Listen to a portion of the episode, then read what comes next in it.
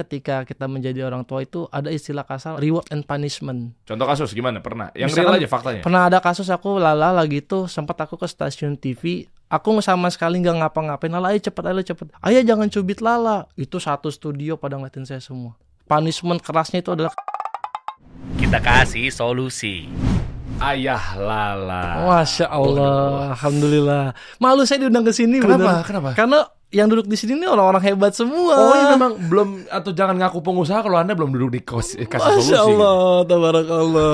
Gak, gak, gak. minder, minder. Tapi gini bro, Eh, ini ayah lala atau Fahmi ini bisa dibilang ujiannya luar biasa loh. Masya Allah. Ada banyak halang rintang. Yang pertama, dulu kan sempat terjerat hutang 500 juta. Betul, Yang mana harusnya lunasnya kalau diperkirakan dihitung itu 8 tahun. 8 tahun. Tapi lo bisa selesaikan dalam waktu satu tahun. Satu tahun, betul. Gimana tuh caranya? Ntar lo ajarin gue. Masya Allah. Iya kan? Tapi nggak berhenti di situ. Begitu udah selesai cobaannya, Allah kasih ujian lagi, yaitu tentang Naiknya anak.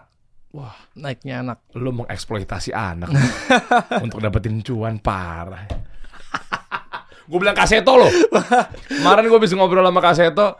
Tipe-tipe atau bagaimana orang tua udah dikatakan dia mengeksploitasi anak untuk mendapatkan cuan. Masya Allah, tabarakallah. Ayo serang semuanya.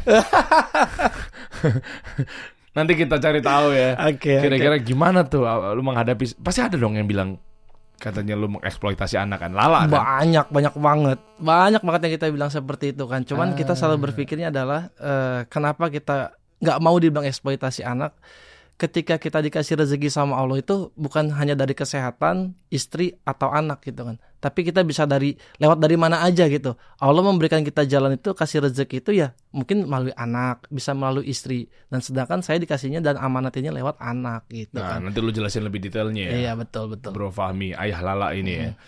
Tapi memang kalau dalam hal eksploitasi anak, gua nggak tahu nyampe lu apa enggak. Hmm. Sebenarnya ini bukan masalah perdebatan. Gue juga nggak mau bahas agama di sini karena memang bukan podcast yang bahas agama gitu ya. Hmm, Tapi lebih kepada pasti ada dong yang bilang, "Ain bang, anak lu bang."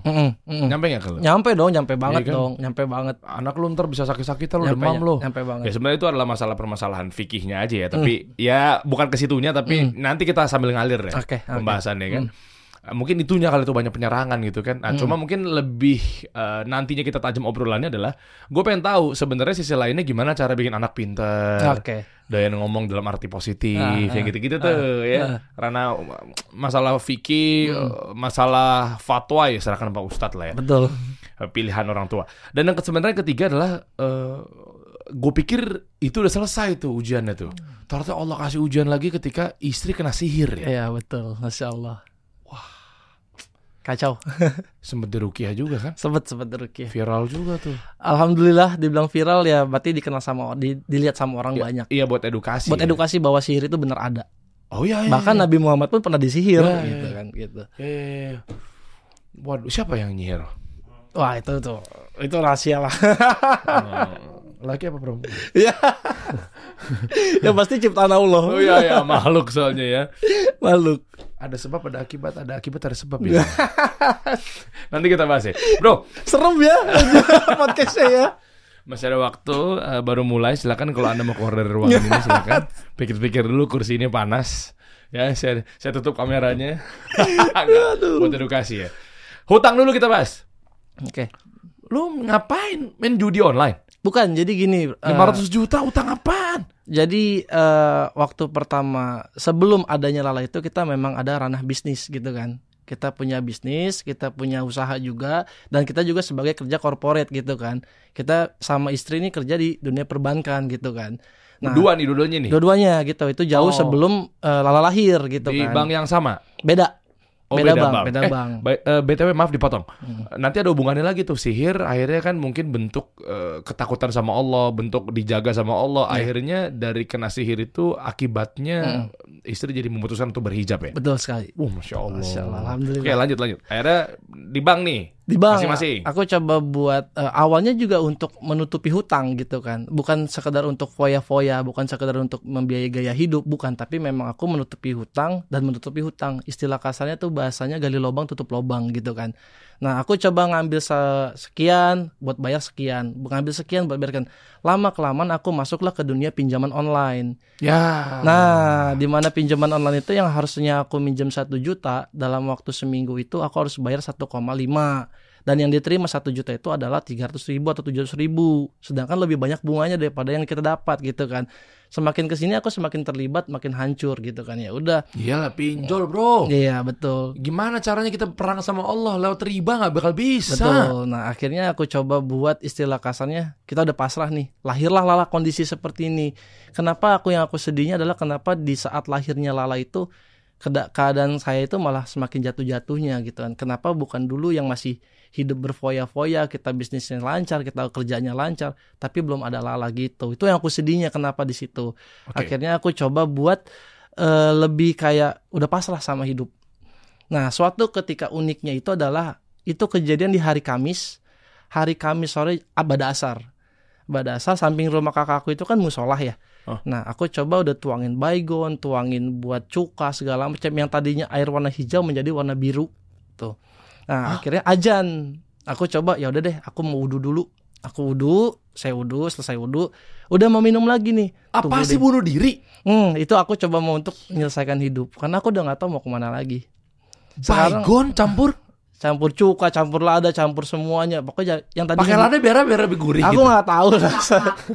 mungkin mungkin telur setengah matang kali ya. Iya sekalian deh tuh kasih garam dikit. Iya enggak eh? Enak tuh. Udah deh bener-bener. Ya, Akhirnya semua dicampur campur. untuk pengen tujuannya mengakhiri hidup. Betul. Eh, Nah, kenapa nggak lanjut? jangan tuh. Jangan Allah berkehendak lain gitu kan. Nah, suatu ketika Nggak, pas boleh contoh nih teman-teman. pas ketika aku sudah selesai asa, eh, mau sholat asar, pas sudah mau minum saya udu, tunggu deh aku mau sholat dulu. Aku bilang sholat nih. Pas di saf terakhir, aku sujud terakhir, itu nggak ada rasa buat yang namanya aku tidur, nggak ada rasa yang namanya buat kayak terlelap gitu kan. Yang namanya masalah hidup itu banyak, beban hidup itu banyak, air mata itu ngalir kayak sungai kan. Nangis sambil sujud. Itu tiba-tiba kakak saya gedor-gedor kaca, eh gedor-gedor pintu. Mi, mi bangun, mi bangun. Kaget dong saya bangunnya kencang banget. Tidur seharian. Loh kok tidur seharian? Saya aja masih pakai sejadah, pakai sarung. Itu pas saya lihat itu jam, hari Jumat jam 8 pagi. Itu subhanallah banget. Itu langsung Allah yang turun tangan. Jadi jadi bentar bentar bentar bentar. Lu sholatnya di mana posisinya? Di rumah? Oh bukan di musola. Bukan, di rumah. Hubungannya tadi lu ceritain musola apa? Rumah kakak saya kan musola sampingnya. Itu toanya kan setengah mati kencangnya kan. Ah, ah. Nah, ya udah saya pikir saya mau wudhu dulu sebelum minum-minum. Ketika saya udah wudhu, pas saya mau pegang, tanggung deh saya mau sholat Oh dulu. karena eh, sebelahnya musola maksudnya tuh adalah eh, lu bukan sholat di musola, Bukan. tapi sholatnya di rumah. Di rumah, Tapi betul. gara-gara musola tuh maksudnya di sini adalah ada toa. Bener, jadi ketahuan ada azan. azan. Betul. Oh, Oke. Nah, Akhirnya lu sholat. Saya sholat. Nah, ketika di sab terakhir itu saya sujud itu nangis setengah mati kita. Oh, sampai nggak kuat bagaimana bisa hidup kayak begini, utang sampai 250 juta awalnya gitu kan. Nah, akhirnya pas dibangunin sama kakak saya itu eh, ternyata hari Jumat jam 8 pagi. Gile, Kamis lo tidur, Ya Allah ya.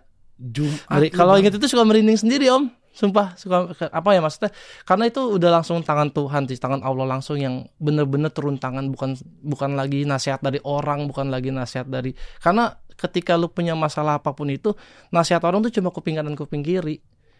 Hmm. Cuma triggernya yang buat kita semakin bangkit adalah hidayah. Oke. Korelasinya apa nih, eh, Mi? Antara tadi lu sholat, lu kan berucap rasa syukur ya. Mm, Dibangunkannya hari besoknya. mm, Tapi maksud gue, gue nangkap sih maksudnya apa coba untuk mem- memastikan aja Hmm. gitu.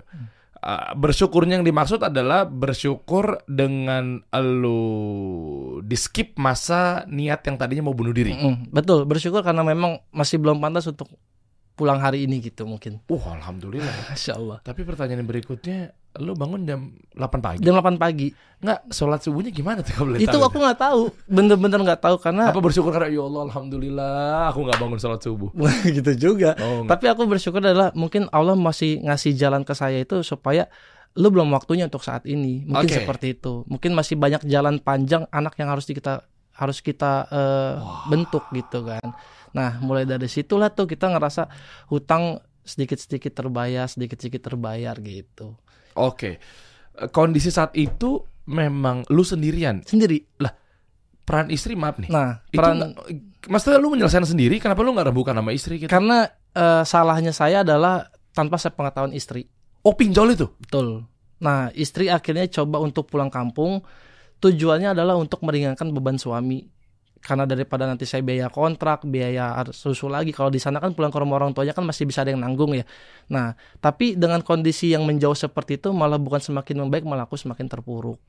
Oh. Karena biar bagaimanapun adalah eh, suatu rumah tangga itu yang harus satu bahtera Iya, iya, iya. gitu kan. Boleh flashback dikit nggak? Waktu itu bisnisnya apa? Kok sampai ada penipuan? Aku seperti- laundry. Eh penipuan utang. Oh aku laundry. Aku laundry udah punya lama gitu. Berapa tahun?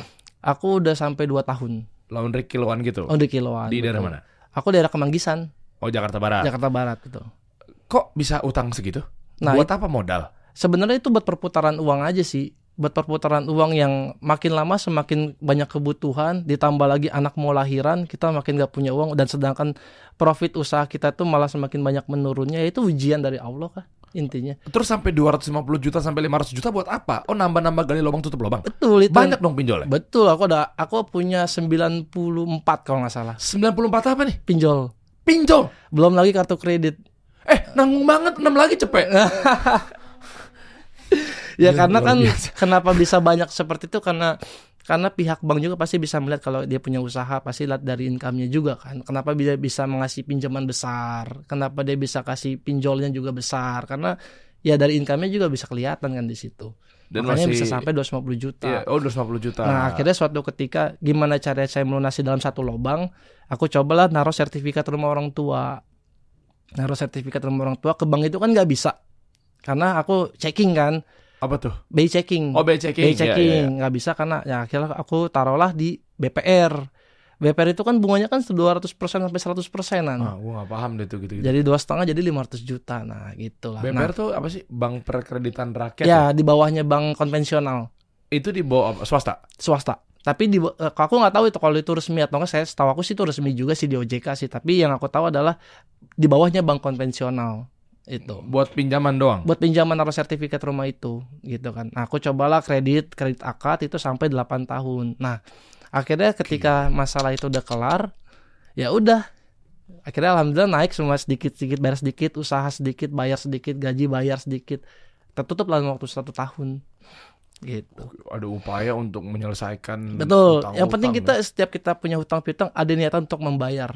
Maka Allah akan ngasih jalan kita untuk untuk Oh. melunasi itu semua. Kan katanya dia bilang ngapain bayar bunganya, tau nggak? Hmm, betul. Tapi kalau aku sih sebenarnya kan kita negosiasi juga, Om. Hmm. Negosiasi sama pihak si pinjol, negosiasi sama pihak si bank. Ada beberapa yang mau dibayar pokoknya, ada yang nggak mau tetap kita lunasi gitu kan. Tujuan kita bukannya untuk masalah bunga atau bunga, tapi memang tanggung jawab kita sebagai si debitur itu ya kita harus melunasinya Hmm, gitu. Ya karena kalau utang memang harus tetap dilunasin. Betul. Ya, ya, ya. Gue gak mau bahas masalah ribanya Hmm, lebih dalam ya, karena Betul. memang bukan itu pembahasannya, Betul. tapi lebih kepada caranya gimana untuk melunasi utang. Mungkin buat teman-teman di sini pengen tahu gitu. Ya kalau memang misalkan udah niat, udah Hmm, taubat sama hmm, Allah, hmm, hmm. terkait riba dan lain sebagainya, alhamdulillah. hmm. Namun kan ada beberapa yang harus diselesaikan. Betul, kan. betul. Bisnisnya tetap lanjut, jadi mau bayar utangnya pakai lanjutin si laundry itu. Betul. Nah, kalau buat untuk cara melunasinya, jujur pribadi, aku pun nggak tahu bisa waktu satu tahun bisa lunas. Karena yang aku jalani adalah perbanyak sedekah. Jadi ja- di saat aku lagi jatuh-jatuhnya itu punya uang seribu, lima ratusnya aku ambil, lima ratusnya aku masukin, lima ratusnya buat istri. Ya kita cuma buat sekedar buat makan, buat makan aja deh sama bensin. Karena di saat lagi kondisi jatuhnya itu aku sempat narik ojek online juga kan, dapat berapa sehari, aku kasih istri semua, sebagian aku masukin ke sedekah. Ya mungkin eh, aku pernah baca pepatah juga bilang, eh, bukan baca sih maksudnya aku pernah dikasih tahu sama guru ngaji aku, dalam agama Muslim itu he- bukan hemat pangkal kaya, tapi sedekah pangkal kaya. Aku coba buat menerapi itu dan alhamdulillah setahun itu aku bisa lunasin. Hmm, Gitu. Oke. Iya, Cuma memang tetap harus diperhatikan mana yang wajib, mana yang sunnah. kan? Betul, betul. Karena kan bayar utang wajib tuh. Betul. Yang penting intinya adalah kita sedekah jangan pernah lupa gitu kan. Hmm. Semakin perjalanan semakin lancar, alhamdulillah sekarang Lala sudah semakin dikenal banyak orang dan sudah mulai masuklah eh, hadiah endorse endorsement gitu. Aku lunasin, aku lunasin gitu. Oh, Gitu. Fahmi. gitu.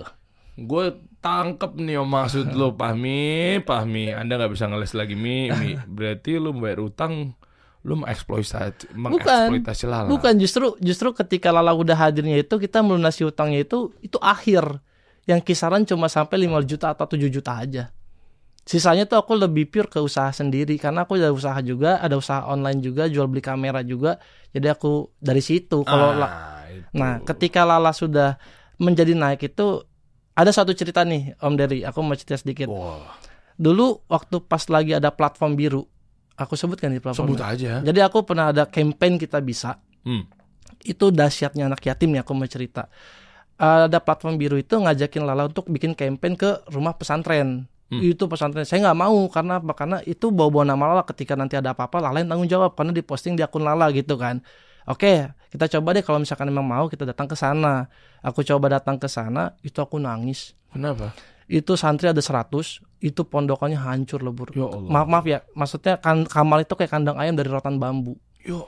Aku tanya sama Pak Ustadznya, Pak Ustadz, ini butuhnya berapa? Butuhnya 50 juta untuk renovasi. Oke, kita bikin 200 juta atau 250 juta. Kasih waktu saya dua bulan untuk bikin campaign ini. Nggak bisa. Nominal segitu kata si orang kita bisanya. Nggak bisa karena ini terlalu lama atau terlalu cepat dengan uang segitu. Bismillah aja kita niatnya untuk anak yatim, saya bilang kayak gitu kan. Itu tahu nggak Mas Dery? Dari pas aku bikin campaign itu, itu dalam waktu dalam waktu satu minggu itu dapat totalnya 450 juta. Masya Allah. Nah, dahsyatnya adalah ketika aku bikin renovasi itu pesantren, itu nama Lala semakin bus, bus, bus, bus. Karena ibaratnya ayah sama lalanya itu memudahkan urusan orang. Betul. Nah, Nah, Allah mudahkan lagi balik. Masya Allah, pemberiding. Uduh, uduh. Ada videonya yang boleh tahu Ada nggak? jauh tapi ada- di jauh banget sih ada iya. videonya. Videonya boleh tahu nggak? Mungkin Dimas eh, sambil cari di YouTube. Enggak, maksudnya gini. eh, Gua nggak tahu ya. Ini kan channelnya kebetulan channel optimasi bisnis ya. Hmm, Bukan maksudnya kita akhirnya menjual kesedihan. hmm, Satu, bukan maksudnya juga kita menjual agama. hmm. Tapi yang kita buat ambil pelajarannya adalah bagaimana optimasi cara membantu adik-adik kita yang di pesantren. hmm. Kan ada juga yang katanya misalkan dia minta sumbangan, let's say Hmm, donasi, hmm, open hmm. donasi. Open donasi betul. Tapi karena memang eh, gua kasihan suka, aduh ya Allah, kan harusnya nggak gini nih. Hmm. Karena kan open donasi pun juga, ya mohon maaf ya, Hmm. itu kan pakai strategi marketing Betul, sebetulnya. betul. Tapi dalam arti yang positif ya. betul, betul. Gimana caranya orang mau berdonasi? Gimana caranya video kita ditonton sama orang untuk air tergerak hatinya buat nyumbang? Mm. Itu kan pakai strategi advertising and marketing. Hmm, betul. Nah, maksud gue, yuk kita sama-sama belajar Hmm, dengan konteks dalam hal di channel kasih solusi yang memang fokus di marketing and business. hmm. Gimana cara bikin videonya akhirnya orang terketuk untuk terpanggil buat bersedekah dalam program kita bisa. Itu aja Hmm. poinnya. Iya, betul. Ada nggak mungkin buat menjadi pelajaran Kalau videonya? kalau- Ah, gimana? Mungkin sambil diceritain deh.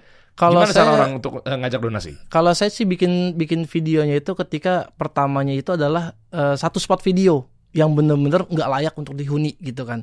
Itu aku masukin spot video itu yang bikin hati orang tergerak untuk membantu. Oh, gitu. yang pas kamarnya kayak tadi yang katanya kayak kandang ayam itu. Kan bambu Om Der, bener-bener bambu sampai atap rumah pinggir kiri kanannya itu atap alasnya juga itu bambu.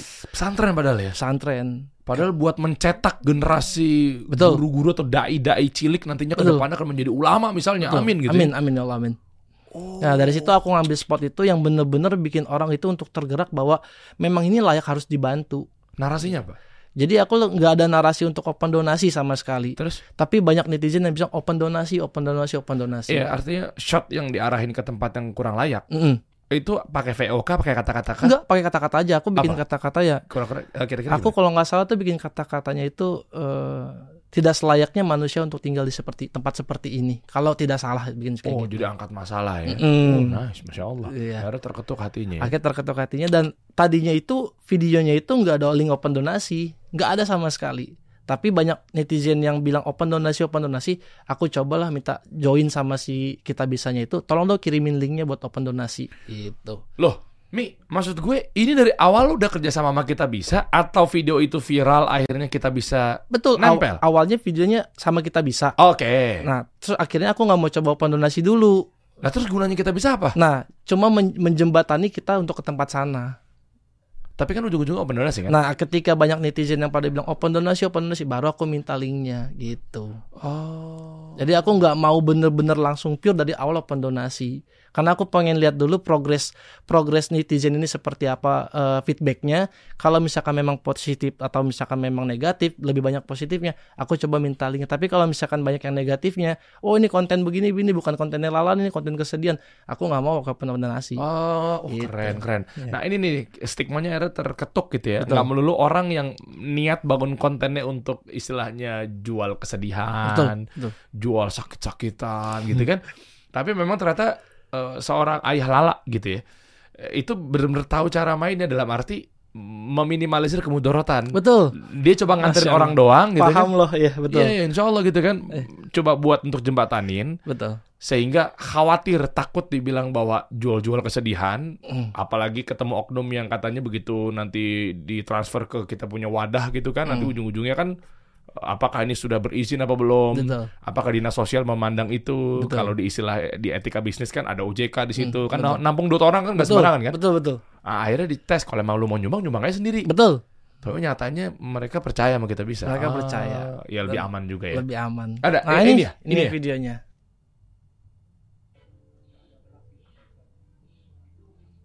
Ah. ini pesantren bro Mm-mm. Hmm. Oh ini, Nah, ini dia. ini apanya? Kamar. Ya Allah, Ya kan? subhanallah. Kasian. Gue kalau video ini suka nggak kuat Om Der. Aduh. Tuh. Itu atapnya apa? Ya Allah. Oh ini kena angin kenceng ke bawah nih. Mm-mm. Kondisi dapur. Tempat mandi. Tuh, makan pakai pakai garam doang. Nasi sama garam. Hmm. Eh, gizinya mana? Ya itu yang bikin kita nggak kuat.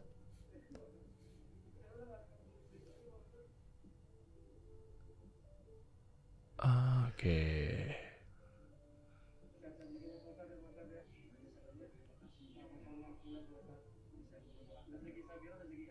Oh iya baru kita bisa.com ya. Mm-mm. Nah itu video diambil sebelum ada link donasi. Ketika Hmm. sudah ada link donasi kita ada video keduanya gitu. Oke. Lebih ke sebenarnya bukan ke trik market trik ke market sih aku bilang aku lebih cuma pengen tahu feedback kan dari netizen itu Iya, seperti iya. apa gitu. Yang tadi aku bilang. Iya ya, tapi maksudnya kenapa gue singgung ke situ tuh? eh, Iya, ini kan hal yang positif. Betul. Ini ini coba teman-teman mindsetnya diperbaiki dulu ya, Hmm. jangan sampai akhirnya eh, oh, jual-jual kesedihan. Betul betul. Akhirnya eh, apa sih istilahnya oknum-oknum yang konten-konten donasi gitu. Akhirnya ujung-ujungnya ketemu oknum yang menyalahgunakan uangnya gitu kan sempat ramai kemarin betul, kan. betul. Yang inisial aja nggak boleh sebutin nama lengkapnya, inisialnya ACT lah. Oke. Iya. Jadi apaan sih? Kenapa sih pada ketawa? Lah, orang inisial kok. Nah, Oke, itulah masa itu kita Masa jadi itu. bahan pembelajaran gitu Masa kan. itu lah ya. Nah, eh, terus maksud marketing tuh maksudnya gini, kalau memang ternyata ada orang niat mau bantu, kan nggak masalah juga Mm. buat kebutuhan dakwah, Mm, mm. donasi buat masjid, buat Mm, apa. mm. Cuma kadang ada konten-konten yang mungkin kan sekarang masjid udah banyak akun-akunnya kan. Betul. Masjid ini, masjid ini di IG apa segala macam atau pesantren apa segala macam. Nah, kadang kurang teroptimasi aja, jadi Mm. kurang optimal. Betul. Betul. Ya, buat masarin videonya Iya, betul. lebih masif lagi, secara organik ya. Kalau mau ads ya duit dari mana Iya, gitu kan. betul. Nah, itu Lala udah konten-kontenan tuh. Itu udah. Itu udah. Itu Sampai setahun itu lunas ya Ya utang-utangnya. betul. Jadi sebe- sebenarnya kalau untuk masalah kata kata-kata viral untuk Lala itu dari sebelum itu kita udah punya 100 sampai 200 video. Kenapa aku save di galeri TikTok atau media sosial? Karena di saat aku waktu punya hutang piutang itu, aku jual beli handphone. Maksudnya nggak punya uang jual handphone, ada uang beli handphone. Jadi daripada aku capek buat nyimpen ke media galeri, jadi aku bikinlah akun media sosialnya Lala gitu. Terus cara ngadepin mereka-mereka yang ya tadi yang kita bahas ya, Mm, eksploitasi anak gitu misalnya. mm. Gimana cara mencikapinya? Ya kalau aku sih dibilang masalah eksploitasi anak adalah ketika memang anak itu benar-benar terjun langsung sendirian gitu kan. Sedangkan di situ memang ada orang tuanya di sisinya. Nah, kenapa aku tidak mau dibilang eksploitasi? Aku juga nggak mau pungkiri juga ya. Karena ada yang eh, rezeki itu yang tadi aku bilang rezeki itu kan bisa lewat istri, bisa lewat anak, bisa lewat siapa pun itu kan. Tapi Allah manahin ke, saya- ke saya dan istri itu rezekinya lewat anak. Kalau memang Allah udah ngasih rezeki lewat anak seperti ini, saya harus seperti seperti ngapain? Hmm. Ini memang udah jalannya dari Allah yang harus saya terima gitu kan. Dan memang benar-benar bukan Lala sendirian yang harus tampil. Di situ ada ayahnya, di situ ada ibunya. Ke mana pun Lala itu di samping pasti ada ayah dan ibunya. Bukan benar-benar pure eh, Lala sendirian. Ditambah lagi orang tuanya Lala pun sekarang sudah punya usaha gitu kan. Bukan cuma se- aku pun mendampingi Lala hanya sebatas membantu Lala. Bukan benar-benar mau, ayolah cepet lah cepet lah. Enggak. Nah, itu tuh eh, ada rasa resisten nggak lalanya kayak udah aku nggak mau manggil apa sih ayah ya Ayah. ya aku nggak mau nih gitu-gitu Nah, kalau Lala itu tipikal anak yang aktif ya, tipikal anak yang happy dengan dunia kesenangan gitu, namanya anak-anak ya. Nah, kalau di video itu kita nggak video pun malah anaknya yang menagih. Ayah kok tidak bikin video? Ayah kok tidak bikin? Justru ayahnya yang capek gitu loh. Oh. Cuman netizen pada ya kita aku juga nggak bisa nyalain netizen ya karena memang mereka hanya melihat satu sisi gitu kan. Jadi ya aku pikir ya udah biarin aja gitu kan. Oh berarti lalanya nih yang eksploitasi ayah. Nggak boleh gitu lah. Hah? Iya gitu jadi Anda ya. harus punya adab sama orang tua. Ayah lagi capek suruh kerja. Lah, lah, ah, gue laporin ke tinggi wingki loh. ya Nah, gitu. terus eh, sekarang solusinya. Hmm, Eh, Kita ngomongnya nggak usah ke eksploitasi lagi deh. hmm, Tapi lebih kepada siapa sih nggak pengen punya anak cerdas? Betul, betul. Masya Allah, tabarakallah gitu kan. Ya bentuk anugerah dari Allah gitu kan. Eh, siapa sih nggak pengen punya anak yang ya kita nggak maksud banding bandingkan kita Hmm, nggak boleh begitu juga gitu kan kayak ya ja- ya gue sih lebih takutnya obrolan ini akhirnya jadi bahan share sharean istri ke suami suami ke istri tahu kan? Kayak oh ternyata kan berdebat tuh di rumah kan. Gini cara didiknya pantesan anak kita telat ngomongnya. Ah bukan itu tuh. Kita nggak lagi bahas di ranah psikolog nih teman-teman ya. betul betul. tapi lebih kepada bukan memicu untuk share-sharean ke DM-DM suami ke istri-istri ke suami, tapi lebih kepada gimana sih cara bikin anak yang yang aktif dalam arti positif ya. Ini kan siapa sih nggak pengen punya anak yang seperti itu gitu. Hmm, hmm. Katanya dibilang kalau anak ketiga wajar eh, akan mudah gitu. Kenapa? Karena dia melihat kakak-kakaknya. Nah, kalau ini kan anak pertama kan. Betul. Gimana kasih gadget? Tapi dia bilang juga kalau kasih gadget katanya anaknya jadinya malah pasif ya. Hmm, hmm. Nonton doang Hmm, gitu. hmm. Awalnya gimana? kalau kami berdua itu sepakat bahwa mendidik anak itu dunia parenting ya. Kita belajar bukan dari sana, bukan dari sini, bukan dari mana-mana pun, tapi belajar dari diri sendiri dulu. Ketika masa kecilnya kita istri dengan kekerasan yang benar-benar otoriter, itu menjadi pembelajaran ketika dia dewasa. Nah, ketika saya waktu kecil itu tidak pernah punya orang tua, udah meninggal gitu maksudnya ya. Orang tua kan bapak udah meninggal kan. Hmm. Jadi kurangnya sosok seorang ayah itu menjadi pembelajaran buat saya juga di kemudian hari. Nah, ketika sudah hadirnya Lala itu kita sepakat bahwa yuk kita belajar dari pengalaman diri sendiri dulu. Jangan pernah mendidik anak secara otoriter dan jangan pernah ketinggalan sosok seorang ayah gitu. Oke, nah terus gimana cara ngelatih Nah, ceriwisnya? Kalau untuk kembali ke ceriwis itu gimana caranya? Karena biar pada dasarnya madrasah terbaik itu kan ibu ya.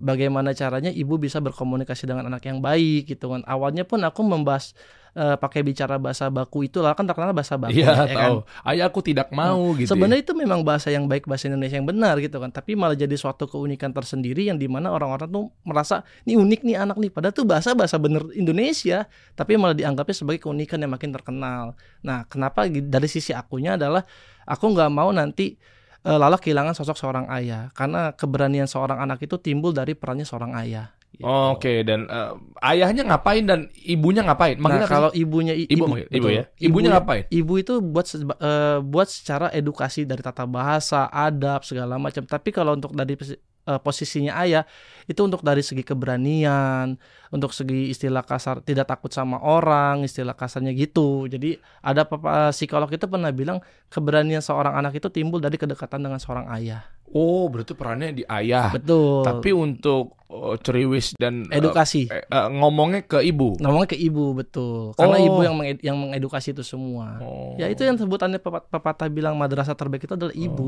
gitu kan. Apa jangan-jangan secara nggak langsung lo mau bilang bahwa bini lu cerewet?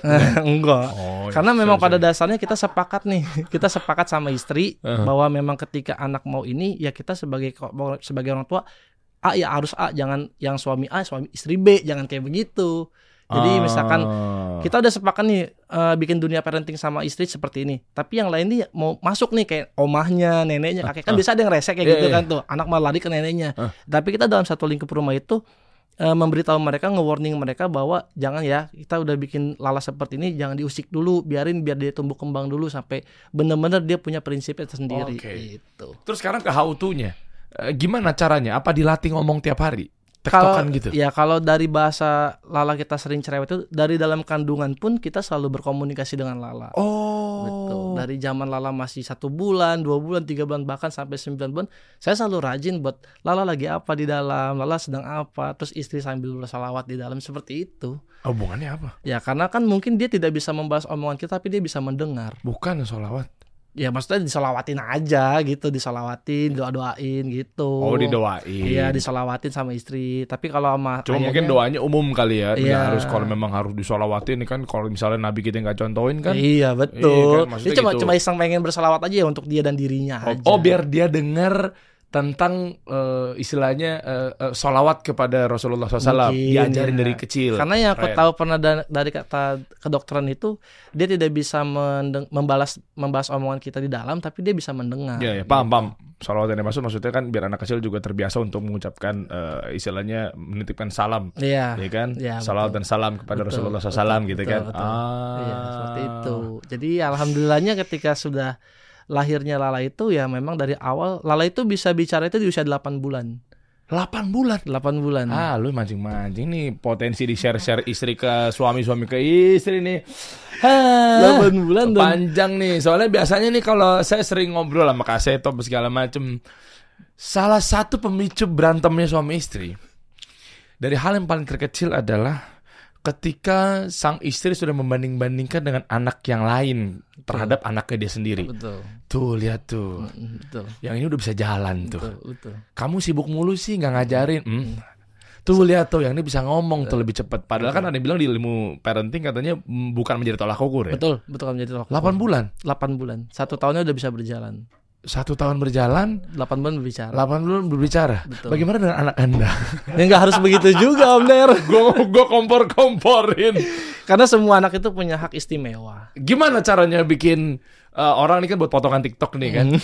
Banyak Ayah banget nih potongannya nih. Ayah Lala akan ngasih tahu cara cepat, instan dan cara brutal membuat anak cepat berjalan hanya dalam waktu satu tahun dan berbicara meskipun hanya dalam waktu umur dua, 8 bulan. Kalau untuk caranya bagaimana aku pun nggak tahu Om Der. Karena biar bagaimanapun aku hanya menerapkan pola asuh sama istri itu ya seperti yang tadi di awal aku bilang dari kecil aku selalu ajak ngobrol dari bayi dari sebelum dalam kandungan aku selalu ajak ngobrol dan kalau misalkan dia 8 bulan bisa berbicara ya itu memang keistimewaan anaknya ini sendiri dan bisa jalan pun memang keistimewaan anak itu sendiri. Aku nggak ada metode untuk ayo kita kita ngomong kita ngomong gitu. Yang penting apa? Yang penting kita selalu berkomunikasi dengan anak gitu kan Oke, anak satu bulan, Iya, anak iya. dua bulan, tiga bulan. Lala lagi apa? Selalu interaksi aja dengan anak dua arah gitu. Oh, tapi ada upaya untuk ngajarin jalan juga nggak? Misalnya baru Enggak. Kan jalan satu tahun ya. Berarti Satu tahun. dari umur yang layak berapa sih biar takutnya tahu pangannya Aku nggak kan tahu. kuat ya. Aku nggak 9 mau bulan, 10 bulan. nggak tahu kalau untuk patokan untuk eh, berapa usianya bisa berjalan aku nggak tahu. Eh, yang aku tahu adalah di atas satu tahun gitu kan. Tapi Lala di usia satu tahun. Aku nggak pernah mau mengungkapkan bahwa Lala juga anak yang terbaik di semuanya. Enggak, semua anak itu baik di Indonesia gitu kan. Cuman bagaimana cara pola asuh orang tuanya itu bisa mendidik seorang anak ini menjadi hebat gitu. Iya, tapi maksud gua kan dia bangun sendiri kah atau Mm-mm. dituntun untuk dilatih biar oh udah pas tahun nih dia coba latihan jalan kah atau gimana? Kalau misalkan Lala itu dia ngerayap tembok, ngerayap tembok, tiba-tiba jalan di tembok gitu. Nah kita kan, nah, kita tetap tetap dampingin tapi nggak kita pegang gitu. Mungkin memang memang dia ngerasa untuk namanya anak kecil kan rasa pengen taunya tinggi ya. Dia ngerayap di tembok, jadi kita pegangin aja gitu. Oke, apa ini adalah salah satu metode ketika anak mau coba ngerangkak gitu dipepetin ke tembok? Nggak tahu aku, aku nggak pernah, aku karena bahasa psikolog anak dan dunia parenting itu luas banget om Der. Aku nggak mau takutnya ketika aku menyebutkan ini banyak pihak-pihak parenting psikolog lain yang bakal bilang, oh ini nggak bisa begini, nih." aku nggak mau ngomong kayak gitu. Eh memang gue butuh muncul perdebatan sih memang. ya Aku nggak mau. kalau gue kan gila dipotong sama kan. netizen, ntar bapaknya yang diserang gimana ini kurang asem banget emang. Ya kan kan kata netizen kan emang katanya emang lu paling lu memancing memancing. Nah ini Hah? Oh, berarti emang nggak tahu ya. nggak tahu memang Oh. udah keistimewaan itu seorang anak Oh, aja udah intinya. Kalau jalan kan mungkin dibiarkan ya ketika dia mau merayap ke tembok kan Mm. ya sudah sambil Mm. dilatih. Mm. Kalau berbicara, Nah, termasuk yang tadi dari kandungan, Mm. terus 8 bulan ngomong, apakah dari bulan-bulan 1 sampai bulan 7 itu tetap ngomong terus meskipun dia nggak ngerti. Betul.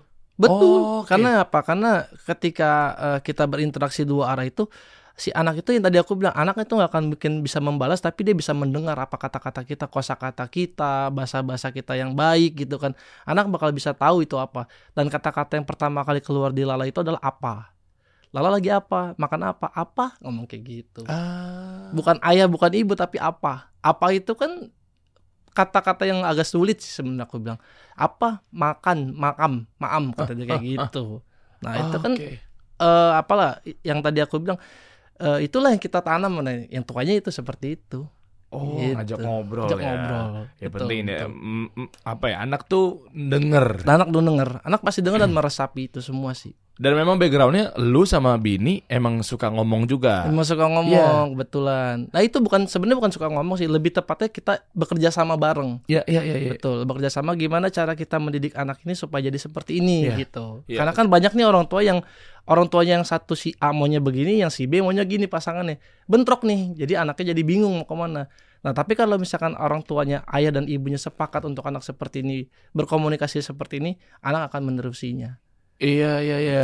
Soalnya gue kadang suka berpikir meskipun ini bukan menjadi indikasi utama ya. Betul. Tapi ketika ada misalkan anak pendiam, Hmm. terus gue suka cerminan ke orang tuanya. Hmm, hmm. Misalnya gue punya teman, Hmm. kita lagi ba- jalan bareng-bareng bawa anak ya, bawa anak ya gitu ya. Hmm, Emang orang tuanya dua-duanya diem nih, Hmm. itu pasti akan diem. hmm. Ya bukan berarti tolak ukurnya pasti turunan secara DNA-nya bukan, Betul, tapi lebih betul. kepada ya berarti kan mungkin jarang ngajak ngobrol, Betul. karena emang orang tuanya pendiam gitu. Betul, betul. Ya kan orang tuanya misalnya malu dia sifatnya kaku, serius banget Hmm, gitu. hmm, hmm. Oh itu penting juga ya. Penting karena apa? Karena ketika nanti anak eh, ada kan orang tua, aku nggak mau ngebahas tentang masalah screen time ya, tapi lebih tepatnya aku sebagai yang udah pernah punya anak dan menjadi anak seperti ini adalah aku mengajarkan Nala adalah yuk hindari dulu screen time yang berlebihan. Apa Boleh nih? screen Gadget? time gadget. Hmm. Screen time itu boleh, kita nggak pernah melarang itu bahwa justru malah edukasi banyak di screen time itu. Tapi ketika anak itu melakukan gadget atau screen time, itu kita harus mendampinginya sebagai orang tua supaya apa supaya orang tuanya itu dan anak ini mempunyai komunikasi dua arah ketika nonton gadget itu kan anak hanya berinteraksi satu arah nggak bisa ngomong nggak bisa apa tapi ketika sama orang tuanya kita sambil bisa belajar nih nih harus seperti ini oh ini harus seperti ini nih lah anak juga jadi akan ajak ngomong jadi gitu Oh itu resepnya, makanya Mm-mm. ceriwis banget tuh, Iya, masya gitu. Allah gitu Masya ya. Alhamdulillah Oh iya iya iya, iya. komunikasi. komunikasi betul kuncinya adalah komunikasi. Oke, dan Lala sendiri bagaimana? Eh, misalnya apakah sering nanya balik? Kan kalau komunikasi kan memang ngobrol ya. Mm, mm. Tapi rasa ingin tahunya seperti apa sih Wah kita mau tinggi tahu? banget. Jadi Tinggi ya? ada satu video kita pernah posting itu udah lama banget deh. Jadi dia pernah nanya ke saya itu, aku kan kalau bikin video Lala kan random ya, asal ngobrol aja kita di kasur. Lala itu nanya kenapa kita harus sholat gitu kan, kenapa kita harus sholat, eh, terus kenapa kita harus meninggal. Nah, kalau misalkan kenyataannya adalah kita akan meninggal, itu anak us- eh, pertanyaan anak yang bukan anak usianya.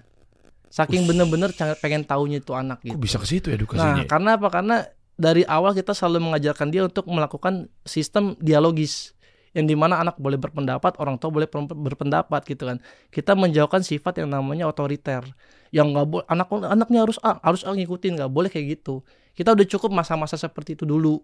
Yang sekarang itu kita harus coba yuk sharing sama orang tua. Ya itulah dialogisnya itu. Anak bisa berpendapat, anak bisa mengungkapkan, anak bisa menjelaskan gitu. Oke, nah yang dimaksudkan otoriter gimana nih? Eh, gini, tadi kan katanya kan ikuti anak aja, nggak boleh langsung kamu begini ya, kamu begini ya. Ya, Tapi kalau ngarahnya ke hal-hal yang mungkin karena kasihan tau nggak orang tua kayak gitu, tahu. dia marah-marah marah-marah nangis nangis apa namanya tantrum ya? Tantrum. Iya kan terus akhirnya ya udah udah nih gadget nih. Nah, Itu kalau kalau soal yang masalah otoriter kan aku bahas tiga dulu ya. Tadi kan yang otoriter Oh. itu kan kalau zaman dulu kan nggak boleh seperti itu tanpa ada alasan yang jelas gitu kan. Nggak Iya. boleh kita harus mengikuti orang tua. Itu kan sistem zaman dulu yang Iya. dipecut sama gesper sama itu. Iya. Udah kita kita minggirin dulu karena kita udah bukan eranya seperti itu. Saya menerapkan sama istri untuk menerapkan sistem dialogis yang di mana itu anak itu boleh berpendapat apa yang anak pengen anak yang nggak pengen kita bisa menjelaskan oh ini harus seperti inilah ini tidak baik untuk lala kita harus bisa menjelaskan tuh Waduh. Nah, kalau soal tantrum jujur pribadi aku nggak tahu karena memang Lala nggak pernah tantrum. Oh ya, Jadi aku pas kalau pembahasan tantrum aku nggak tahu gimana cara cara untuk menjabarkannya seperti nggak apa. pernah tantrum, Nggak pernah. serius? Nggak pernah tantrum sama sekali. Masa nggak pernah kayak? Justru aku pengen Oh, banget Mar- yang namanya Lala itu harus tantrum karena apa? Hah? Karena ada pepatah yang bilang tantrum itu adalah untuk meluapkan emosinya supaya tidak tidak terbebani di emosinya. Tapi ada yang bilang itu adalah trik supaya dia untuk meminta sesuatu harus diturutin. Tapi alhamdulillahnya aku nggak pernah ngerasain itu. Jadi aku nggak tahu tantrum itu seperti apa gitu. Masya Allah. Masa sih nggak bisa kayak ah, ayah, Enggak. ayah aku pengen nanam saham di Goto gitu. Enggak, enggak, enggak gitu ya. Enggak sampai sing ngambek gitu ya. Enggak. Ah, Itulah. Nah, terus apakah itu adalah resepnya?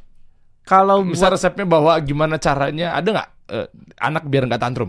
Nggak tahu aku. Aku kalau supaya nggak tantrum itu mungkin mungkin karena kembali ke dialogisnya itu kali ya. Karena kita berdialogis dengan anak, kita me- membolehkan anak untuk berpendapat, membolehkan anak untuk buat sharing dan bertanya dan kita menjawab dengan secara benar.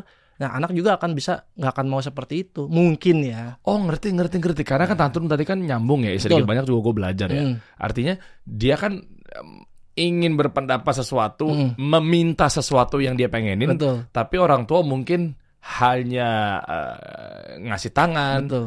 "Shh, nggak boleh, Ah, gitu doang kan? betul. Atau kayak enggak enggak jangan jangan jangan jangan. Mm. Sementara dia kan kayak ya kenapa jangan? Iya. Why? Iya, Dia betul. pasti gitu kan? Betul. Nah dengan lo tadi menjelaskan, akhirnya dia rilis tuh, Betul. emosinya lepas, Betul sekali. keingintahuannya juga terselesaikan. Oh gitu ya sudahlah. Mungkin ya tadi aku bilang mungkin. Ah, makanya- Mungkin karena dialogisnya itu. Dialogis tadi ya, jadi dialog Mm, betul. ketika dia dilarang, dia pasti kan secara nggak langsung mungkin dia nggak tahu kalimat-kalimat yang ya terus kenapa gue nggak Hmm, boleh mungkin dia nggak tahu kan, betul, taunya betul. cuma agak bingung, ah, baru orang tua oke jadi gini kalau kamu kayak gini, Betul sekali. kamu begini begini Betul begini sekali. sehingga dia rilis tuh zer. Betul. Oh. Tuh, Jangan lupa juga ketika kita menjadi orang tua itu ada istilah kasar eh, reward and punishment. Oh, Ketika- oke. Jadi ada punishment itu ya ketika anak salah kita harus menegurnya secara langsung. Entah tapi nggak boleh dengan kekerasan juga kita harus menegurnya secara langsung. Coba contoh kasus gimana pernah? Yang Misalkan- real aja faktanya. Pernah ada kasus aku lala lagi tuh sempat aku ke stasiun TV, aku sama sekali nggak ngapa-ngapain. Lala ayo cepet ayo cepet. Anak usia 4 sampai 5 tahun kan udah mulai bisa membohong nih. Udah mulai bisa tuh anak berbohong tuh. eh.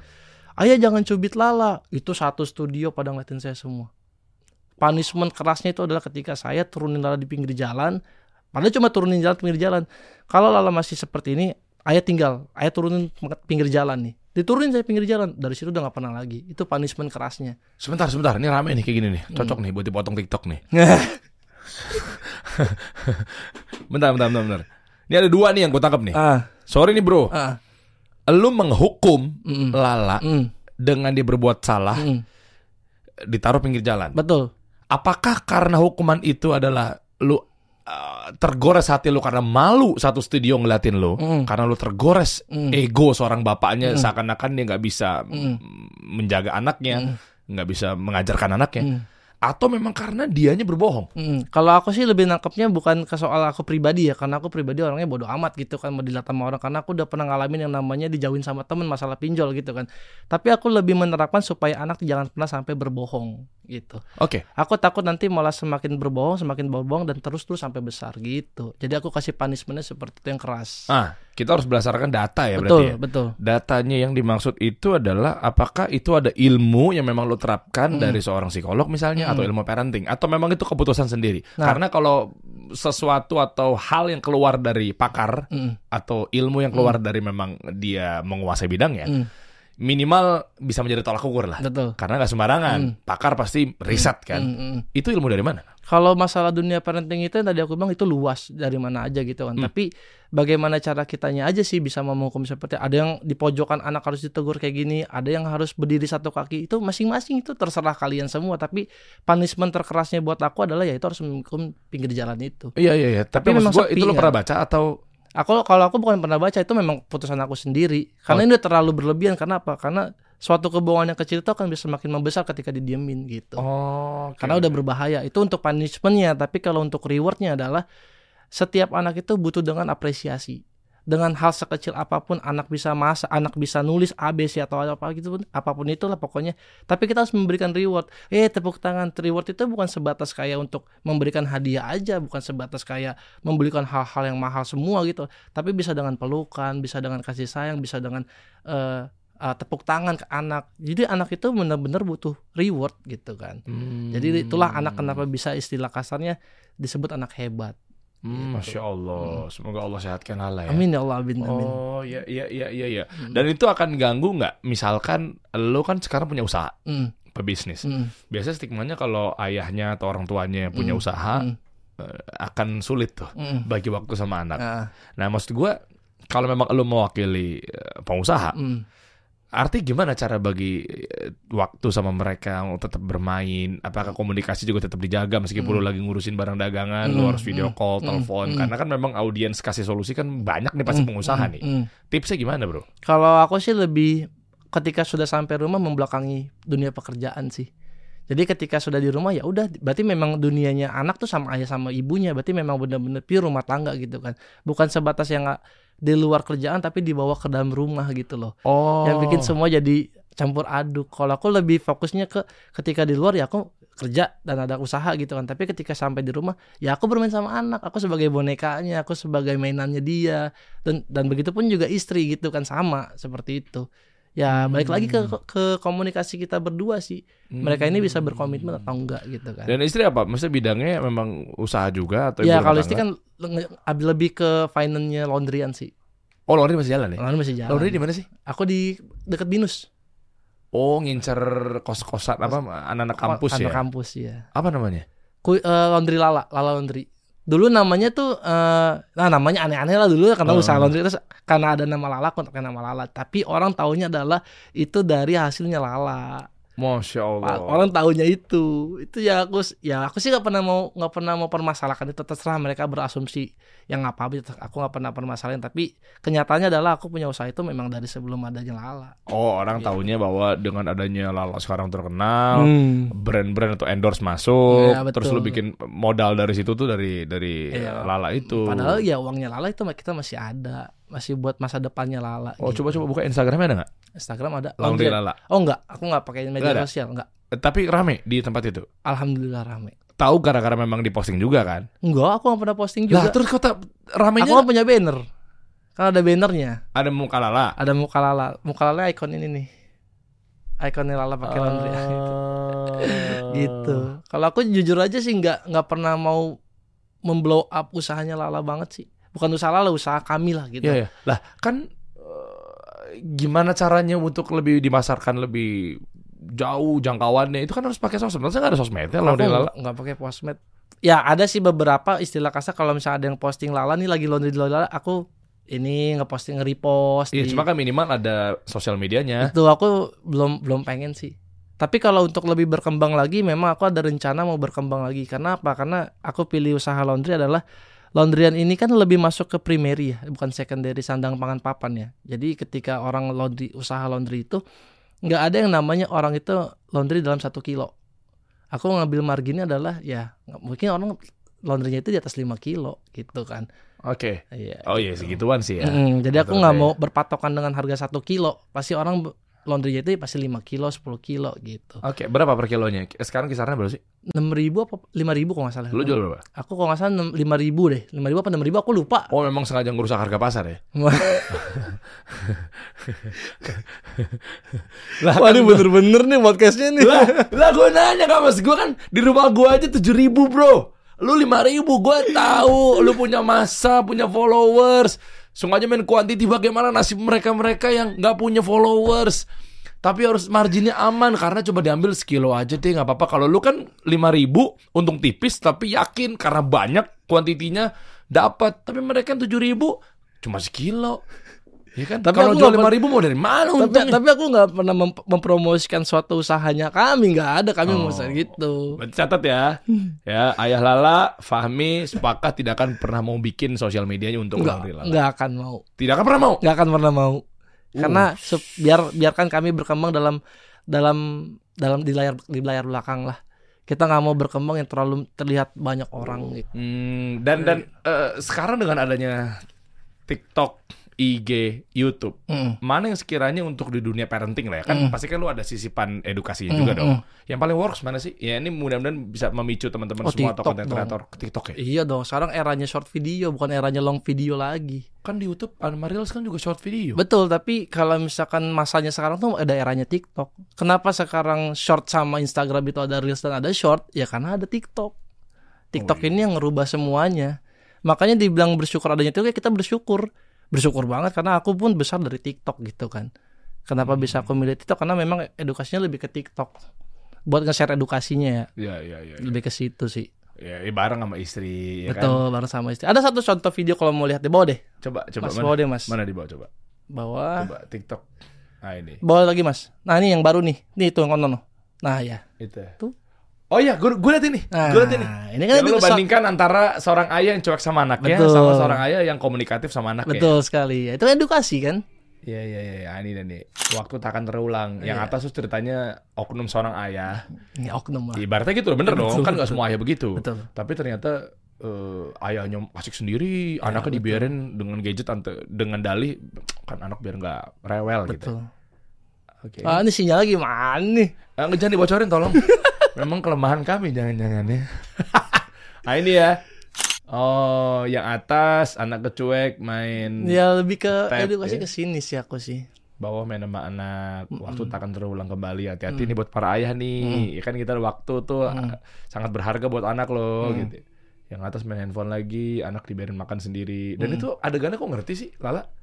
Ya kan udah mulai bisa diajak acting. Eh, Hmm, gitu. Yang bawah taunya berdua suap-suapan, Iya. main Eh, bareng. Masya Allah. Masya Allah. Iya. Ah, oh, Masya Allah. Tapi dengan adanya video seperti itu banyak banget istri-istri yang ngetek suaminya. Nah, kan lu cari ulah. gua Bukan bilang. cari ulah, bukan cari ulah ya, tapi bandi- lu ngerasa kayak berarti menurut lu adalah gua, eh, lu lebih baik daripada suaminya dia. enggak dong. Kita Hah? kita nggak pernah berpikiran Nih, seperti tuh. Emilia Diva 26. Suamiku kayak gini, cuma kita lagi banyak utang jadi dia harus ekstra kerjanya dan akhirnya kurang waktu main sama anak-anak. Berarti utang suaminya gara-gara lu juga. lu rekomendasi pinjol kali sama suaminya, tanggung jawab lu. Sebenarnya aku juga namanya kita main di dunia persosial media itu ada banyak pro dan kontra. Tuh lihat tuh. Emi, Lydia, Winda. Kok aku iri sama Lala? Alicia. Emang lu memecah belah lu. Ini dahsyat di podcast ini. Bener-bener kayak Om Deddy banget, sumpah. Ya, ya, gue juga banyak belajar dari dia. sumpah bener nih. Enggak. Betul, betul. Masing-masing gue sama dia. Ya bukan masalah Om Deddy doang, emang jurnalis begitu. Tuh kan. Oke. Gimana tuh? Lu di sini ada sisi positif apa negatif melihat ini? Dengan adanya lu di-share share ke istri ke suaminya lah, kode-kode lah. Hmm. Aku sih lebih kayak ke eh, apa ya bonding ke anak aja lah. Waktu itu kan gak akan bisa terulang kembali kan. Kedekatan komunikasi seorang anak ke ayah dan atau, atau ke ibu itu pun dalam waktu singkat. Karena di usia-usia 10 sampai 15 tahun itu akan jauh sama orang tua. Hmm. Gitu. Aku cuma hanya memberikan edukasi supaya yuk jangan sampai kita terlambat sebelum nanti kita menyesal seperti Masya itu. Allah. Terus istri lu ngeliat tadi yang misalnya istri nge-share ke sini. Iya. gimana respon istri? Nah, gue bikin, eh, saya bikin sama istri. Yang sekarang kebalikannya, suaminya ngetek istri. Rusuh emang hidup ini mau mecah belah umat. Saya bikin tuh, saya bikin sebelahnya sama istri. Iya, Ibu, adalah seorang ibu, betul. Oke, terus? Atau isinya tuh istri ngetek suaminya, kebalikannya. Oh, yang tadi suami ngetek ke istri. Eh, Yang, gimana yang sih? tadi, yang tadi suami ngetek suami, yang tadi istri ngetek suami. Nah, sekarang? Nah, sekarang suami ngetek istri. Oh, tuh lihat tuh, kamu nggak pernah ada waktu buat anak tuh, sayang. Tapi jujur demi Allah Rasulullah saya nggak ada niatan Ah, buat boleh menjadi. demi Rasulullah. Ya, itu Rasulullah, dong? Rasulullahnya nggak boleh. Oh, ya, demi Tidak ada Allah. sumpah selain kepada Allah doang gitu. Ya berarti demi Allah memang aku nggak ada niatan buat menjadi pemecah belah suami dan istri. Klarifikasi itu dia tuh. Karena aku hanya membagikan edukasi. Ya kenapa Lala bisa seperti ini? Karena memang basic orang tuanya seperti ini gitu. Berarti lu secara nggak langsung bilang bahwa kayak coba cek bini lo udah menjadi enggak enggak dalam arti bener ya. Hmm. Bini lo udah banyak waktu nggak ke anak lo Hmm, gitu ya hmm, kan. betul, betul. Jangan-jangan sibuk nontonin live shop skincare doang. Ya seperti itulah pokoknya lah. Serem ya di sini ya. Pantesan orang-orang hebat semua duduk di sini, masya Allah. Kita bukan orang siapa-siapa diundang ke sini jadi dak dikduk. Tapi istri lu lebih dak dikduk lagi, Bro. Tadi kan ngomongin istri nih, Ah. ngomongin dak dikduk. Hmm. Istri lu lebih dak dikduk lagi. Kenapa tuh? Apakah sumber permasalahan ini serius nih? Hmm. Istri lu kena guna-guna, Hmm. sihir, Hmm. gara-gara ada seseorang yang hasad, dengki Hmm. Hmm. karena mungkin merasa bahwa kayak bini gue nggak kayak gitu atau sebaliknya Hmm. dasar ya lu emang selalu nih Hmm. lu nampaknya baik banget sama Lala nih Hmm. kata seorang istri lain Hmm, misalnya hmm, istri orang lain ah aku usir aja Hmm. ini gue nanya beneran loh gue Eh, nanya loh ah. karena kamu terlalu istilahnya bikin aku jadi nggak bisa berbuat apa-apa di depan suamiku. Hmm. Karena kan sempat rame juga kan katanya kan. Mm, Ya mm. qadar Allah Hmm. istri lu kena sihir dan guna-guna. Hmm. Betul betul. Itu ada hubungannya nggak sama gara-gara potensi banyak istri-istri nge-share-share ke suami? Kalau dibilang itu kita nggak tahu ya ada hubungannya atau enggak ya. Hmm. Pokoknya kejadiannya adalah itu kita memang, memang pernah kita kena guna-guna gitu kan. Jadi Kita apa istri? saya gitu maksudnya saya eh, istri istri sorry. Istrinya Sebenarnya kan? lebih lebih lebih tepatnya ke kita sih. Saya istri dan Lala gitu kan. Iya, yang kena sihir bini lo, Yang kena bini tapi istri. efek atau impactnya ke lu dan Lala. Tuh, jadi residunya itu adalah ke Lala dan ke suami Ceritanya gitu gimana kan. sih? Jadi sebelum kejadian sihir menyihir ini kita pernah saya punya lima saudara itu lima limanya memimpikan kita bertiga. Entah yang sama ayahnya sama Lala doang atau nggak sama istrinya. Itu ada yang kemasukan ular di rumah ada yang istilah kasar Lala luntang kelantung ke hutan ada yang iya Lala lari ke hutan hutan lantang luntang kelantung ke hutan. Terus ada yang ayahnya istilah kasar Lala tangannya keluar darah semua gitu kan. Oke, itu setelah kejadian mimpi itu sebelum kejadian sihir menyihir lagi, Lala sakit selama hampir dua minggu. Itu panas setiap habis maghrib. Itu nggak pernah yang namanya kalau siang itu selalu sehat. Pasti selalu, istilah kasar, kalau malam itu selalu demam gitu. Kalau siang selalu sehat. Kita cobalah untuk cek ke dokter, untuk cek lab, cek darah, cek ronsen semuanya. Itu hasilnya normal, hanya butuh istirahat. Kok saya semakin bingung ya, kan ini sakit apa gitu. Kok sampai dua minggu kayak begini. Ditambah lagi setiap malam itu rumah tuh selalu bunyi dentuman der der nah terus lagi ada bunyi nyapu di rumah gitu istri yang mendengar gitu kan nah aku nggak pernah berpikiran bahwa itu adalah sihir gitu kan karena aku berpikirnya bahwa itu adalah penunggu rumah yang mau eksistensi dengan dia tuh ada di situ gitu kan akhirnya suatu ketika pas malamnya itu istri mau makan pop mie mie gelas gitu maksudnya mie, mie kering lah Jadi popi sampai mie gelas nih. ya pokoknya nggak sebut lagi brand nih. iya makanya aku juga apa ya Jadi sebutnya mana yang lebih enak? eh na- nadel cup nadel cup Terus terus. Oke, itu Oh. akhirnya pas istri mau makan tiba-tiba nggak jadi. Nah nggak jadi karena di situ kasihlah ke security. Pas security mau makan juga nggak jadi karena katanya bu saya nggak jadi makan bu kenapa memang ada belatungnya di situ. Oh, serius lu? Aku sempat curiga dong kok sekelas mie kering ada ada belatungnya. Nah aku flashback nih kejadian ini nih flashback kejadian bahwa ada suara dentuman ke belatung ke mimpi aneh. Apa ini sihir ya? Karena biar bagaimanapun jarum paku dan belatung itu masuk ke dunia media sihir gitu kan. Aku panggil lah guru ngaji aku kan di rumah. Coba dipanggil dan ternyata bener ini bahwa itu sihir gitu. Taunya gimana kalau itu sihir? Maksudnya dalam artian apakah ada upaya untuk ngerukiah terus jinnya keluar? Enggak, kalau kalau itu sih lebih karena kalau kita ngebahas goib itu kan kita nggak bisa mengungkapkan itu ya. Eh, jadi itu cuma sebagai yang ahlinya aja yang ngomong aku juga nggak mau nggak mau berasumsi bahwa itu benar dari mulut aku sendiri gitu kan. Karena guru ngaji kau bilang itu bahwa ini benar-benar sihir karena memang ada yang sakit hati gitu kan. Nah aku cobalah panggil eh, ketemulah sama Ustadz Faizar dicoba di rukia di sana di rumah ternyata bahwa memang benar ini sihir dan kita mencoba untuk membakar buhul itu. Hah, gitu. kok ada bohong? Karena di rukiah rumahnya. Terus? Jadi kenapa eh, Ustadz Faizar itu merukiah dapur karena beliau pernah bilang ketika sihir itu masuk itu sumber utamanya adalah di dapur. Kenapa? Karena memang di dapur adalah tempat di mana kita mengkonsumsi makanan dan jin itu masuk ke makanan, makanan itu yang kita konsumsi itu yang bikin jadi bahaya buat diri kita gitu. Di dapur. Di dapur. Inisialnya gimana? Maksudnya apakah memang ternyata kelihatan bahwa orang ini bekerja di dapur atau? Nggak, kalau itu sih aku nggak pernah mau berasumsi ya pokoknya intinya adalah pernah ada yang kerja sama pernah ada tim kami yang sakit lah sakit hati gitu jadi aku nggak pernah mau berurusan langsung terlalu detail nih serem nih asumsinya nih Gue cuma nanya, Iya. ya Allah salah mulu gue. Enggak, gue cuma nanya. Tugas gue di sini nanya. iya tapi kan? pertanyaannya lebih Nggak, dari nggak. wartawan ini parah sumpah Kamu gue wartawan. Lah, gue cuma nanya. Kalau gue di sini cuma duduk doang, namanya nonton lawak. Paling gue gitu-gituin. Ya kan gue nanya. Duh, gue duduk di sini buat nanya. ya Kagak. pokoknya intinya adalah orang yang tersakiti di di dapur. pernah kerja sama lalah gitu lah pokoknya intinya Oh. nggak tahu di dapur so pokoknya ketemunya di dapur ki buhulnya itu Apa bentuk ubuhnya? Kalau yang pertama itu di dapur itu tasbih. Tasbih adanya di belakang kulkas dan di pojokan. Nah, jangan bilang itu karena jatuh ada keselip. Jangan, karena kita nggak pernah ada yang makanya tasbih gitu. Itu di rumah nggak pernah ada apa. Kita udah kebaca duluan nih. jangan bilang gitu ada yang selip jatuh. Lah, sekarang gue nanya, bisa jadi nggak? Lu nggak boleh susun, bro. Kalau tiba-tiba ada eh, yang jatuh bener sih pertanyaannya. Bener.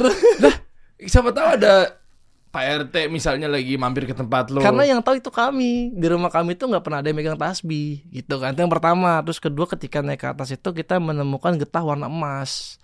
Getah itu kan setahu aku warnanya kuning ke kuning kuningan sama putih lah gitu. Bukan kuning emas ya, tapi bener-bener emas cincin gitu kan. Ketika diambil itu ya memang itu walau alam itu buhul katanya gitu. getah emas tuh apa sih nggak ngerti gue. Getah pohon tahu, getah Tahu karet. kok, kok emas? Maksudnya Nah. itu teridentifikasi itu buhul tuh kok getah emas? Nah itu yang aku bilang unik kan kalau kita ngebahas tentang dunia sihir itu kita nggak bisa nggak bisa mengungkapkan dengan secara logika juga gitu kan karena memang dunia goib kita pembahasan neraka dan surga juga kita nggak bisa ngebahas dengan logika karena itu hal goib juga gitu kan jadi ya sama sepertinya ketika hal santet sihir menyihir itu kita nggak bisa ungkap secara logika kok bisa begini kita juga nggak tahu Iya, cuma maksud gua kan biasanya kan kayak yang familiar kan ada Hmm. paku. nah iya apalagi sih jerami, Mm-mm. apalagi sih yang kayak gitu-gitu kan. Makanya gue nanya yang familiar kan biasanya itu, Nah. tapi taunya ada bu- Akhirnya pas ada buhul mas itu udah ketemu pas akhir ke teras itu kita ketemu lagi sama namanya gulungan senur benang senur itu ada panjang gulungan tuh digulung-gulung jadi ngelilit lah intinya lah Oh kayak apa eh ruwet lah Ruwet pokoknya gitu ruwet ya? pokoknya ruwet Woi, iya iya anak main layangan kali lupa digulung. ya. bukan kan udah digulung posisinya udah digulung posisi Oh. layangan putus yang digulung tuh kayak gitu jadi ngejuntai lipet muter begini terus di tengahnya ada gulungan gitu loh jadi kayak Oh. ngelilit gitu Ah, Itu apa maksudnya? Katanya sih itu juga buhul juga aku juga walau alam nggak tahu ya pokoknya yang berhubungan dengan senur terus dengan yang istilah kasar Eh, beliau juga pernah bilang Ustadz Faizal pernah bilang bahwa ada media-media yang disebut buhul juga ada kayak seperti itu gitu dia Oke. pernah menemukan itu Efeknya apa? Maksudnya eh, ketika rumah dirukiah dan Hmm. lain sebagainya, itu pasca istri udah kayak mungkin gua nggak tahu sih efeknya apa ya. Hmm. eh, eh, kesurupan kah Hmm, atau hmm. gimana atau gimana kan pasti kan ada upaya untuk ngebenahin itu kan setelah ada Hmm. sebabnya kan betul ya sebab akibat gitu Hmm, istilahnya terus Ustadz baru datang misalnya Hmm, hmm. Eh, itu gimana istri teriak-teriak kah atau efeknya dianya atau mungkin ada di badannya ada apa misalnya Ah, jadi pas ketika di Rukia itu ya betul memang di dalam dirinya itu memang ada sesuatu gitu kan. Dia bersembunyi dalam sini pelipis mata gitu kan. Dan katanya kalau misalkan semakin lama didiemin, istri akan mela- eh, akan terjadi stroke setengah karena penyumbatan darah di sini karena dia bersembunyi dalam sini gitu. Karena akan dunia dunia Oh, iya. dunia setan itu dunia goib itu akan santet menyihir-menyihir akan kembali ke medis juga.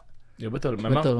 eh, kan bekam itu kan Mm. ada yang bilang kan keluar jinnya apa Iya, segala macam ah, gitu kan Betul. makanya rajin kita dia kan masuk di darah ya Betul, betul Jin sekali. dan lain sebagainya Betul. itu. Hmm. Hmm. Makanya akhirnya ketika uh, Ustadz Faizar bilang kalau ini didiemin bisa semakin lumpuh, makanya ada penyubatan di sini, di akhirnya dibersihin di sini. Ada betul. Nah, ketika setelah dirukiah semua aja bersih, alhamdulillah juga sekarang ibu sudah istri maksudnya gitu sudah memutuskan untuk berhijab alhamdulillah.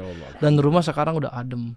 Rezeki makin lancar rumah adem ayem. Oh, sembilan bulan itu kita merasakan yang namanya hancurnya rumah tangga. Sembilan bulan rumah panas. panas banget. Sampai istri mau bunuh diri. Oh, yang pertama lu dulu mau bunuh diri. dulu aku yang mau bunuh diri. Eh. yang kedua sekarang istri yang mau bunuh diri karena saking bener-benernya dia tuh ngerasa stres Sebelum ketahuan bahwa ternyata mungkin istri teriak-teriak kan, ya ini videonya ya. Hmm. Nah, ini mungkin nah, untuk kita memuliakan istri lo kita nggak usah tampilin lah ya. Hmm, hmm. Ya teman-teman silakan kalau mau Hmm. punya hak untuk ngeliat sendiri Iya, gitu. Tapi ah. karena gue menjaga privasi istri Hmm, lo gitu ya. hmm. Tapi artinya eh itu kan sempat kayak kesurupan deh. Mm. Videonya kan sempat Hmm, viral ya. hmm. Ini buat bahan edukasi Hmm. nih. Yang diteriakin apa sih? Jadi kalau yang aku tanya sama istri itu Rukia itu bukan kesurupan om Hah? Rukia itu tetap sadar Tapi dia tidak bisa mengungkapkan secara langsung Yang mengucapkan dalam mulutnya itu bukannya dia Padahal Jinnya? dia Iya padahal dia tuh sadar Kalau misalkan dia dipegang ininya dia tahu Dipegang ininya dia tahu Terus dia lagi dip- dipegang kaki dia tahu Kondisi Rukia itu bukan kondisi yang bener-bener pingsan atau nggak atau nggak nggak sadar gitu. Tapi memang pada kenyataannya Rukia itu sadar, tapi dia nggak bisa mengungkapkan itu. Padahal dia suka sama ayat-ayat ini dalam hati gitu. Tapi yang keluar dari mulutnya dia nggak suka gitu. Oh, berontak. Mm-mm, Iya, iya. gitu. Jadi ada yang bilang kalau misalkan nanti buat netizen juga nih, kalau Hmm. Rukia itu sebenarnya bukan yang kasar tapi sadar.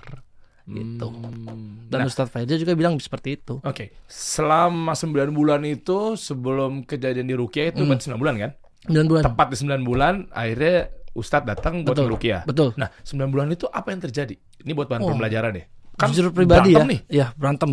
Rumah tangga itu kita alhamdulillahnya saya sebagai ayahnya Lala tuh bisa menutupi itu semua dari media sosial ya sampai nggak ada yang tahu bahkan sampai Denny Sumargo pun bilang sampai nggak diposting ke media sosial enggak karena kita nggak mau nanti rumah tangga kita kecampur gitu kan bener-bener kita yang namanya sampai semua berimpact ke tim itu pada jauh semua Iya, maksudnya, dijauhin semua. Apa efek yang paling signifikan? Misalnya emosional berantem. Yo, emosionalnya istri itu bener-bener meledak. Hal sekecil apa pun bisa menjadi letusan gunung. Duh, duh, duh. Sampai istilah kasarnya tuh saya deket sama tim aja nggak boleh. Dia tuh nggak mau deket sama, dia tuh benci sama tim. Tapi ketika saya deket sama tim, saya harus jauh sama tim juga. Sampai suatu saat tuh kita berantem hebat. Lala nggak ada ya di situ ya. Itu dia sampai mau ambil pisau, dia sampai mau ngebaret apa sih namanya urat nadi. Yang bener loh. Iya, saking bener. Makanya ada pepatah bilang eh, sihir itu akan menghancurkan ibunya dulu karena ibu adalah jantung rumah tangga. Apa hubungannya? Ya karena memang pada dasarnya ketika ibunya itu mengalami eh, perubahan yang signifikan masalah ekos en- eh, masalah emosional itu akan berimpact ke semuanya ke suaminya nanti berimpact ke anaknya berimpact ke semua yang ada di rumah berimpact karena ibu adalah jantungnya rumah tangga katanya seperti itu Oh, tapi maaf nih bro, gue mau nanya. ya. Eh, lu sebelumnya kayak zikir pagi petang itu kan Hmm, ngaruh ya maksudnya Nah, untuk itu sihir yang zikir pagi setelah sholat subuh Ah. sama zikir sore gitu Mm. pada asar gitu. Nah, ketika posisi kami lagi masih 9 bulan yang lalu, Hmm. itu entah kenapa kami tuh semua tuh yang namanya buat kayak ibadah itu berat. Hmm. Kayak dibikin berat banget. Kita mau sholat, entar dulu deh. Kita mau sholat, entar dulu deh. Hmm. Nggak seperti hal biasanya seperti dulu gitu. Dulu kita selalu berjamaah sama sama istri gitu kan. Kadang saya ke masjid, kadang sama istri juga. Tapi ketika pas 9 bulan terakhir, nggak tahu kenapa kayak males aja gitu. Susah banget setengah Iya. mati buat ibadahnya. Ibu, iya, iya, iya, ibaratnya eh, gimana caranya Saiton untuk memisahkan lu dengan Allah Mm-mm, biar betul. lu makin jauh dari Allah. Masya Allah banget itu. Itu yang namanya kita biasa di segini ekonomi habis setengah mati sampai kita tuh menjual beberapa barang untuk gaji karyawan. Ya Allah. Kita sampai menunggak sama gaji karyawan selama dua bulan sampai tiga bulan itu kita menunggak. Tapi ketika setelah dirukiah semua, masya Allah banget kayak Oh, alhamdulillah. kayak keran air. Brrr. Masya Allah. kan bentuk lu ketakuan sama Allah. Betul. Ya maaf ya istri jadi akhirnya jadi memutuskan untuk berhijab. Ya, alhamdulillah. Mungkin lo susah payah untuk ngingetin Alhamdulillah, berhijab. Ya, ini kita ambil ilmunya aja Betul, lah ya. betul. Ternyata kan itu kan bentuk upaya untuk Mm. lebih dekat sama Allah. Kan ketika kita semakin bertakwa kepada Allah, Allah akan berikan rezeki dari arah yang gak disangka-sangka. Betul, betul banget. Dan karyawan jadi lebih loyal. Jadi lebih loyal. Masya Allah. Berarti nggak ada yang mencuri tuh karyawan. Nyolong gitu nggak ada. nih gue tahu jawabannya mau ke mana pertanyaannya nih. Dahsyat lu dulu. Bukan. Justru kan maksudnya memang gue nanya beneran dalam arti positif kan dengan karyawan eh, dijaga sama Allah berkah berarti kan memang ya udah deh gue Ya, salah deh gue untuk- ganti deh pertanyaannya deh berarti karyawan nggak ada yang membangkang Gak ada yang memakan untuk saat ini. oh, jadi suruh posting posting suruh rawat lala rawat lala kan begitu kan Iya, salah mulu gue ya kan Ya betul. Ya, intinya begitu Betul, betul, betul, Nggak betul. harus nyolong deh Iya, nggak harus Iya, nyolong apa deh. kayak gue bingung gue kalau karyawan bisa itu itu aja tuh Ya udah, jadi seperti alhamdulillah sekarang makanya kita ber, sekarang eh, hikmah yang kita ambil dengan kejadian seperti kemarin itu adalah ya kita harus mencoba untuk mawas diri bahwa kita memang harus mendekatkan diri pada Allah sih. Lebih ke situ sih. ya semoga ini nggak berulang lagi ya Amin amin ya Allah amin. Allah pasti kan ya ibaratnya punya hak untuk nguji kita nih Hmm, sebagai betul. makhluk yang diciptakannya kan. Hmm, betul.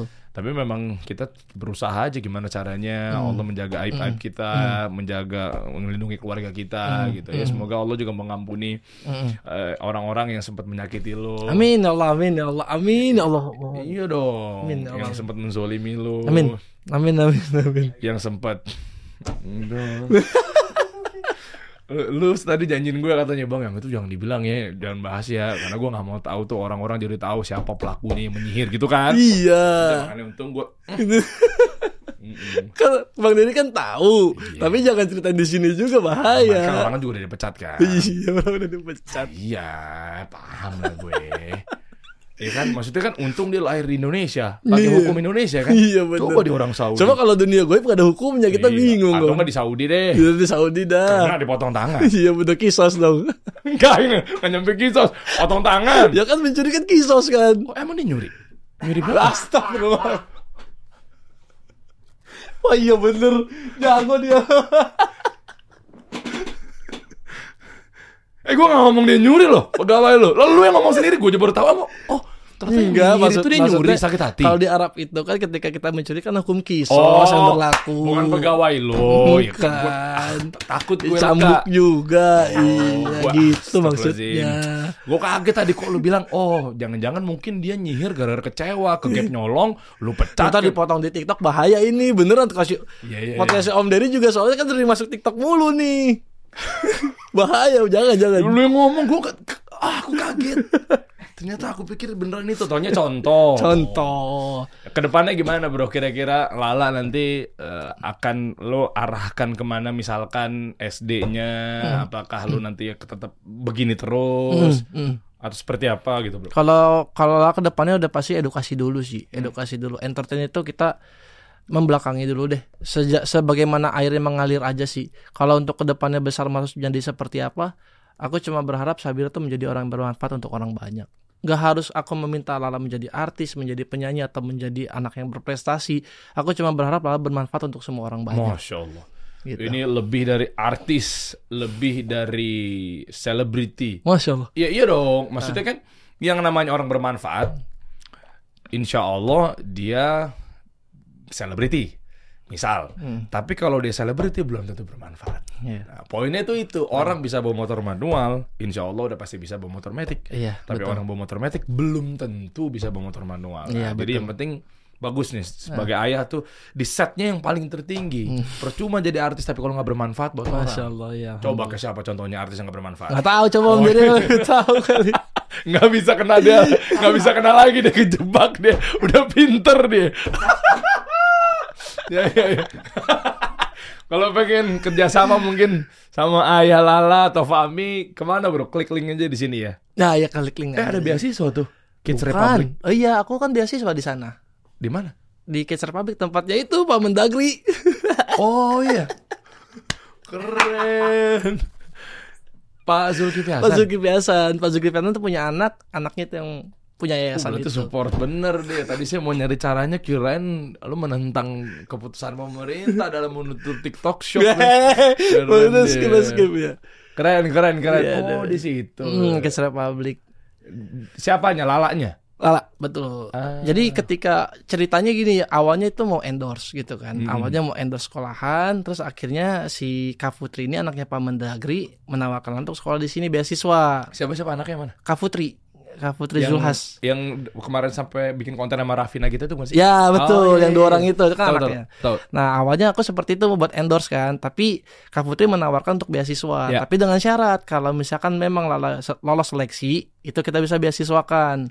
Lala cobalah tes IQ, tes kepribadian dan tes segala macam, dan alhamdulillah hasilnya di atas rata-rata. Masya Allah, berapa IQ-nya Lala? kalau boleh tahu? 136. 136. Hmm, 136. IQ ayahnya berapa? 111 paling. Oh memang nggak menjamin juga ternyata ya? Saya pikir kan buat tidak jauh jatuh dari pohon-pohonnya. iya, ternyata bukan. Ternyata itu hanya mitos gitu. Gue pikir 11 Tapi lumayan jauh ya 11 ke Iya, 36 ya Betul. Dan alhamdulillah akhirnya masuk ke sampai dia lulus SD. Wah keren Dan harusnya sekarang ini usia Lala itu di lima tahun udah aksel ke SD. Nah, karena pihak sekolah meminta itu, tapi saya sebagai orang tua akhirnya berambrukan sama istri eh, bahwa memang Lala itu bukan masanya untuk beredukasi yang terlebih jauh, tapi memang dunia ini masih dunia bermain. Jadi biarkan dia stuck dulu di TK sampai usianya matang baru masuk ke SD. Oh. Mungkin dia mampu untuk saat ini, tapi ke depannya dia akan terbebani. Nah ini ayah yang bijak nih Setuju gue. Ya oknum-oknum gue bilang Oknum-oknum ayah di luar sana kan Ketika ada tawaran anaknya akselerasi Bangga. Mm-mm. Wah anak gue kelasnya Axel nih.